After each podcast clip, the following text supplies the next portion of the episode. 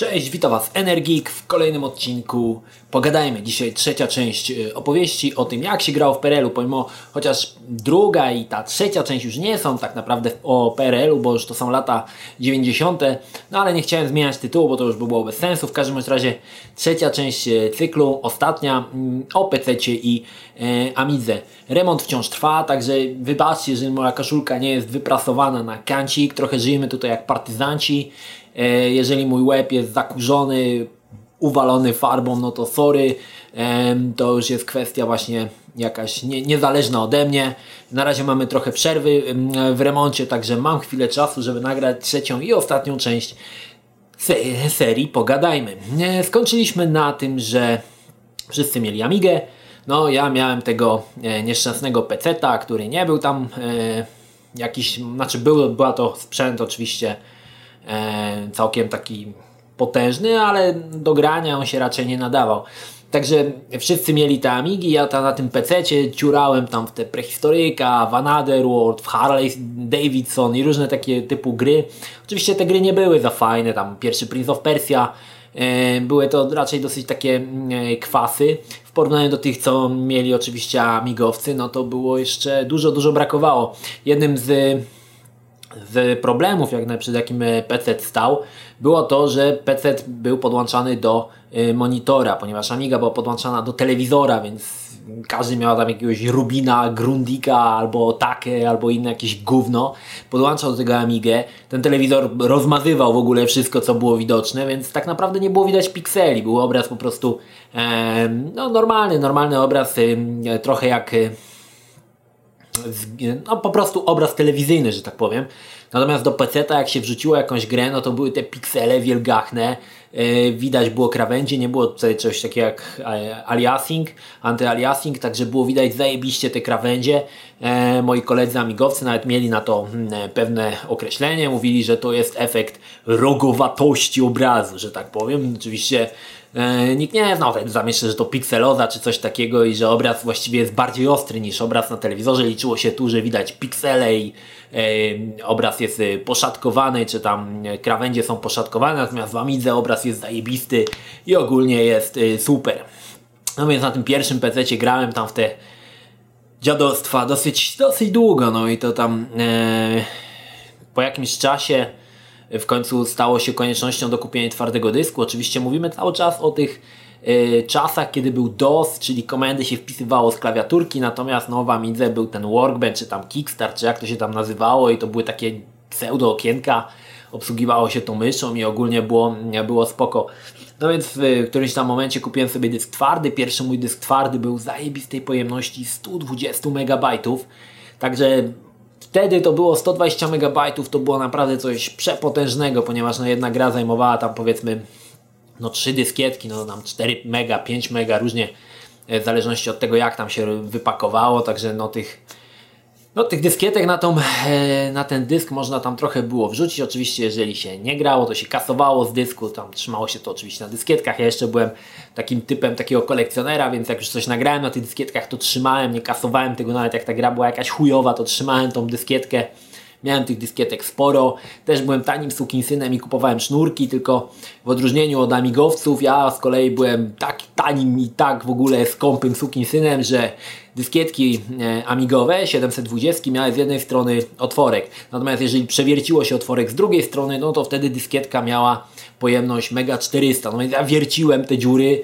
E, na dłuższą metę oczywiście to było całkowicie bez sensu, bo te dyskietki jeszcze szybciej padały niż normalnie.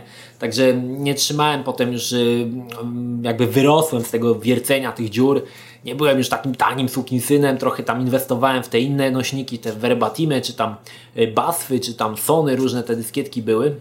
No w każdym razie w momencie, kiedy kupiłem dysk twardy, no coś się zmieniło, ponieważ te gry już na paru dyskietkach, które były e, takie gry, które nie wychodziły na Amigę, ponieważ no tak jak mówię, niektóre tytuły wychodziły na ten, na komputer PC i na Amigę, tak? Przykładowo Goblinsy pojawiały się równocześnie na komputerze Amiga i na PC. Oczywiście różnica między nimi nie była y, duża, no poza tym, że no, na monitorze wszystko było wyraźniejsze, więc były większe piksele. Ja jako, że nie miałem karty dźwiękowej, więc za kartę dźwiękową robił mi systemowy bzyczek, a dźwięk z bzyczka, powiem wam, kurwa, niesamowite w ogóle wrażenia. Głowę mogła eksplodować od słuchania tego gówna. W każdym razie, no, no nie da się ukryć, że no, bez karty dźwiękowej no, Amiga miała ten dźwięk o wiele lepszy. Nie wiem jaki tam był dźwięk, czy 8-kanałowy, czy 4, czy 16. No natomiast bzyczek, no to, no to bzyczek. On tam można było go zmusić do, do jakichś tam nawet digitalizowanych dźwięków, żeby odtwarzał, ale to było po prostu tak straszne i tak w ogóle żałosne, że szkoda gadać. No ale gry zaczęły być faktycznie w tym momencie, kiedy ten dysk twardy się pojawił w moim komputerze, gry zaczęły jakby pojawiać się tytuły bardziej takie wartościowe i bardziej jakby złożone. Sporo tych gier nie wychodziło nigdy na Amigę. Przykładowo e, takim jednym z takich tytułów było Alone in the Dark, e, które wyszło tylko i wyłącznie na PC, nie wyszło na Amigę. Dodatkowo na przykład gra Another World w stosunku do amigowej wersji miało dwa levele więcej, w amigowej wersji były wycięte. Zresztą też nie jestem do końca pewien, czy to była jakaś w ogóle źle skrakowana wersja, bo oczywiście wtedy wszyscy jechali na tych piratach jak szaleni, czy też faktycznie te levele były wycięte. Jeżeli będę robił e, taki tam, jak to się mówi, e, zagrajmy w Another World, to oczywiście o tym wspomnę. No ale to właśnie wtedy, wtedy tak to wyglądało. E, oczywiście nie mówię, że na Amidze nie pojawiały się żadne wartościowe gry, bo tutaj bym bardzo skrzywdził Amigę. Było sporo, sporo fajnych tytułów, były naprawdę przefajne wyścigi, na przykład Lotus. E, było sporo takich e, tytułów nawet nie, niekoniecznie zręcznościowych, tych przygodówek, nawet jakieś strategie tam się zdarzały. Najlepsza strategia właściwie według mnie to jest Northern South, North, Northern South, tak, zajebista strategia, którą uwielbiam. W każdym razie no, te, te gry faktycznie w stosunku do amigowych wersji wyglądały mnie biedniej, no bo były wielkie piksele i nie było dźwięku. E, tak jak mówię, te gry zaczynały powoli jakby pojawiać się coraz bardziej zaawansowane tytuły. E, amigowcy czuli się zagrożeni, no więc stałem się w ogóle pośmiewiskiem e, dzielnicy, gdzie tam mówili, że ma PC-ta, w ogóle mój kolega Zbyszek to już w ogóle twierdził, że PC to jest tylko do gier i on się do niczego innego nie nadaje, bo na Amidze mógł sobie odpalić Real 3D, poklikać myszką w bliżej nieokreślone ikony, no i tam oczywiście stwierdzić, że jest wielkim grafikiem i pracuje nad animacją. W każdym razie tak to wtedy wyglądało. E, PC powoli jakby budził się do życia, te gry zaczęły się pojawiać, pojawiała się też e, coraz lepsza grafika, ponieważ pierwsze karty graficzne na PC no to miały pojemność 512 KB, to był taki, taka popularna wtedy bardzo karta, to był Trident, Trident 512, e, straszne, straszne gówno w ogóle, Trident na przykład nie potrafił odpalić systemu Windows 3.11 w 256 kolorach, więc w momencie, kiedy wyszedł system 3.11, można było go sobie zainstalować, ale na przykład taka gra, która wyszła e, na podsystem 3.11, tam King Quest 7 chyba, no to wymagała już wtedy 1 mega, bo działa w 256 kolorach, no a ja nie mogłem tego odpalić, no bo tylko miałem to 16 kolorów, także były to takie, e, też takie, takie właśnie rzeczy się wtedy działy. No i wtedy już amigowcy powoli jakby zaczęli się przesiadać na te pecety, E, jakoś tak mm, można powiedzieć nieśmiało kupowali te pecety w marketach, czy gdzieś już takie gotowe rzęchy, które stawiali, no i tam oczywiście, a jeszcze zapomniałem, no bo jeszcze w tym momencie, kiedy mm, no, pojawił się dysk twardy, wyszła oczywiście gra Doom, tak, Doom, który był, e, można powiedzieć, cierniem wokół amigowców, ponieważ no, takiej gry na Amigę nie było. No, pojawiały się tam jakieś tytuły, które mniej lub bardziej e, umiejętnie próbowały naśladować Duma, ale to nie było to. Był nawet taki wierszyk tam amigowcze, nierżni głupa, dumnie chodzi, no i dupa. E, w każdym razie tam były różne, różne próby, ktoś tam znalazł jakiś emulator PC-ta i próbował na tym emulatorze uruchomić ten emulator na Amidze i uruchomić tego Duma. No w ogóle straszne jakieś tam e, takie historie faktycznie się działy. No ale faktycznie w tym momencie PC pokazał, że potrafi takie gry stworzyć jak Doom, jak Wolfenstein, które na Amidze nigdy nie wyszły. Znaczy wyszły potem jakiś tam Gloom, był jakaś taka próba, yy, czy tam za żelazną bramą, chyba się też taka polska produkcja nazywała, no ale to nie było to samo. No i wtedy właśnie też, tak jak mówię, amigowcy zaczęli powoli się przesiadać na te swoje pecety. E, pierwsze tam te pecety co mieli, no to też były jakieś takie rzęchy. Ja starałem się już w tamtym czasie jakoś być w miarę na, w miarę na, na, na bieżąco z, z, ze sprzętem, czyli co jakiś czas tam robić tą aktualizację. No i wtedy też pojawiło się coś takiego, że właśnie jak wyszedł Doom, on wymaga tam 4 mega RAMu. Ja miałem wtedy 2, no to wtedy, no, wtedy to było troszkę droższe te wszystkie komponenty i to nie było tak, że się kupowało, samemu się wkładało, bo ja nie miałem w ogóle o tym zielonego pojęcia, chociaż otwierałem tego komputer niezliczoną ilość razy, grzebałem tam w środku, ale nie wiedziałem jak zainstalować na przykład ramy, nawet nie wiedziałem które tam te, te części to jest RAM, także dawało się wtedy do serwisu i oni instalowali. Pamiętam wtedy no, że ja miałem, jak już mieli tam, większość ludzi miała te PC-ty, ja miałem 2 mega RAMu, wszyscy mieli tam 4 i mogli grać w tego Duma, ja nie mogłem. No i w końcu ojca mi się udało namówić, żeby kupił mi ten RAM, który był mi potrzebny do nauki oczywiście, matematyki i tam polskiego. No i pojechaliśmy na, do sklepu komputerowego, czy tam do Dateksu, no i oni otwierają tą, tą klapę, no i mówią, że tutaj się 4 mega nie da włożyć, ale da się włożyć 16. No więc konsternacja. Już, ja już myślałem, że już ojciec powie, dobra, to nie zakładamy i na razie, ale ojciec swojej wspaniałości powiedział, dobra, niech będzie 16 no to powiem Wam wtedy to już była masakra. 16 GB kontra 4. Wszystkie gry właściwie chodziły, nie było żadnego problemu. No i w tamtym czasie, mm, mniej więcej w tym czasie, kiedy ja ten RAM e, dokupiłem, pojawiły się pierwsze CD-ROMy. Pierwszy CD-ROM jaki miałem to był podwójnej prędkości, to były firmy Matsumi, bo tylko wtedy tak, to była taka właściwie firma, no dzisiaj to już chyba nawet nie ma, ale wtedy to była taka firma produkująca naprawdę dobry sprzęt. E, CD-ROM Matsumi wyróżniał się, czy Mitsumi? Mitsumi, nie Matsumi, Mitsumi. E, wyróżniał się tym, że posiadał swój kontroler, który wkładał się w kartę ISA. Karta ISA to odpowiednik PCI, czy tam PCI Express teraz jak jest, to taki po prostu taka szyna. Ten kontroler się wkładało w tą e, w płytę główną, następnie podłączało się to do, do CD-ROMu. No i wtedy ten CD-ROM sobie działa. Oczywiście prędkość podwójnej prędkości, no to zapewniał nam prędkość na poziomie 300 KB na sekundę. To jest taka e, mała informacja dla tych, którzy nie wiedzą. Jeżeli jest CD-ROM 52 mm, ma prędkość 52, to nie znaczy, że tam płyta się kręci. Przepraszam, pył. Nie znaczy to, że płyta się kręci 52 razy na sekundę, bo słyszałem już takie różne, różne rzeczy. Chodzi o to, że CD-ROM pojedynczej prędkości ma przepustowość 150 KB, tak? Jeżeli jest 52-krotnej prędkości, no to to 150 mnożymy razy 52 i mamy jaki jest przepływ. I o to zawsze chodziło. Wiele osób tam różne historie wymyślało. W każdym razie no ten CD-ROM podwójnej prędkości, no to zgrywał tak płytę, jeżeli chciałem zgrać sobie płytę na dysk twardy, no to trwało to pół godziny.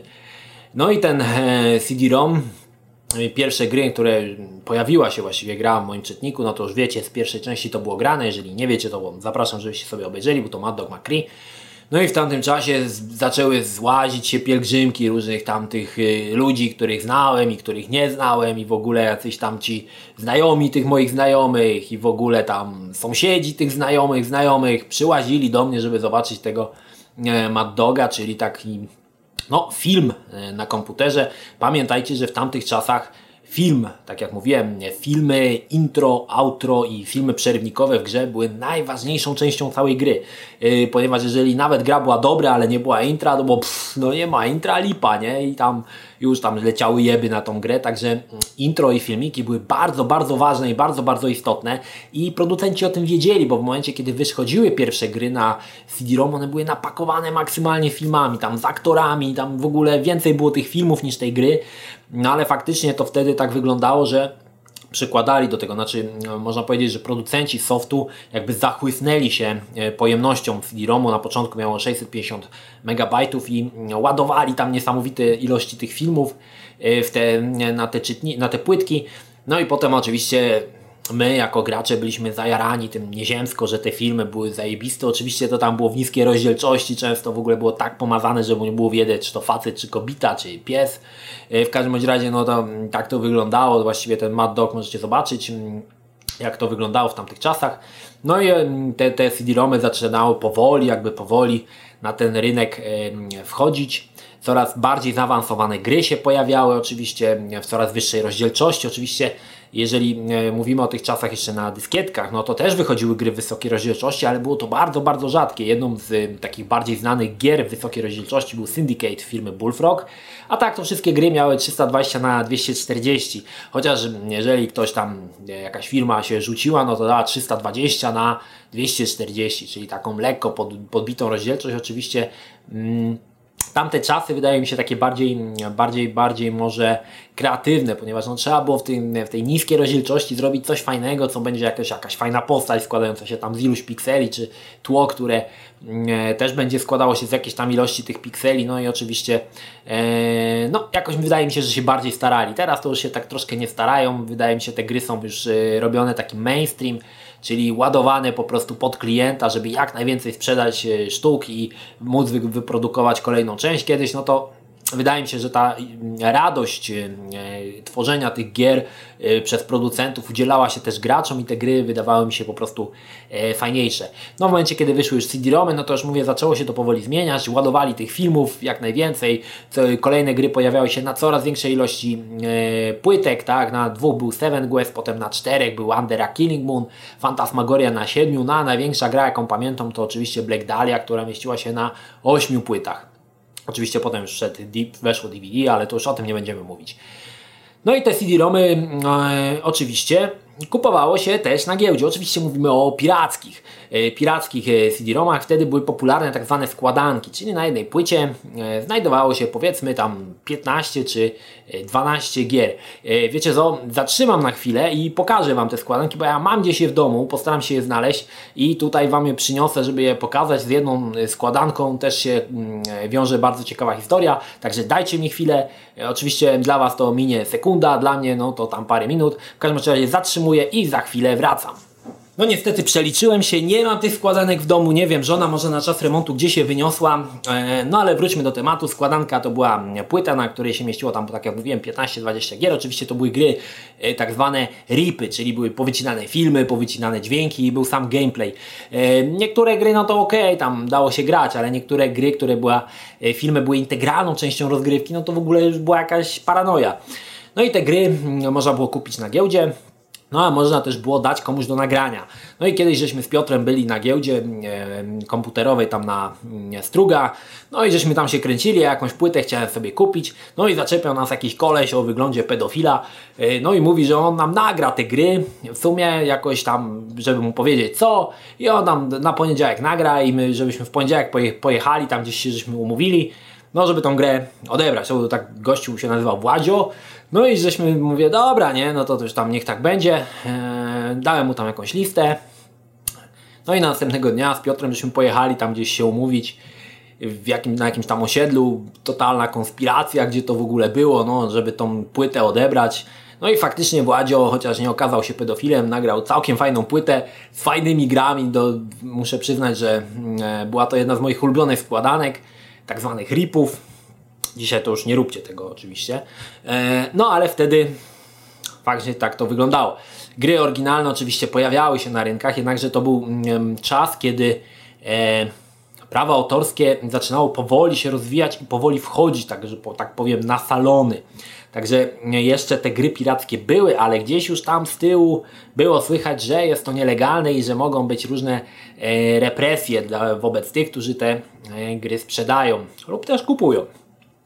Oprócz e, składaków, nasi e, sąsiedzi z Zabuga, czyli Rosjanie, wymyślili coś takiego jak e, tłoki, e, czyli płyty pirackie, ale tłoczone, to znaczy nie było one tam z napisem verbatim, tylko była one z naklejką, było w niej pudełko, było okładka, no i te płyty, to, które wyglądały zupełnie jak oryginalne, Rosjanie gdzieś tam, nie wiem, czy tam w oponach, w żukach przewozili do nas i to się sprzedawało, sprzedawało się to na giełdzie. Y, gry, takie, koszt takiej gry chyba był ze 30 zł.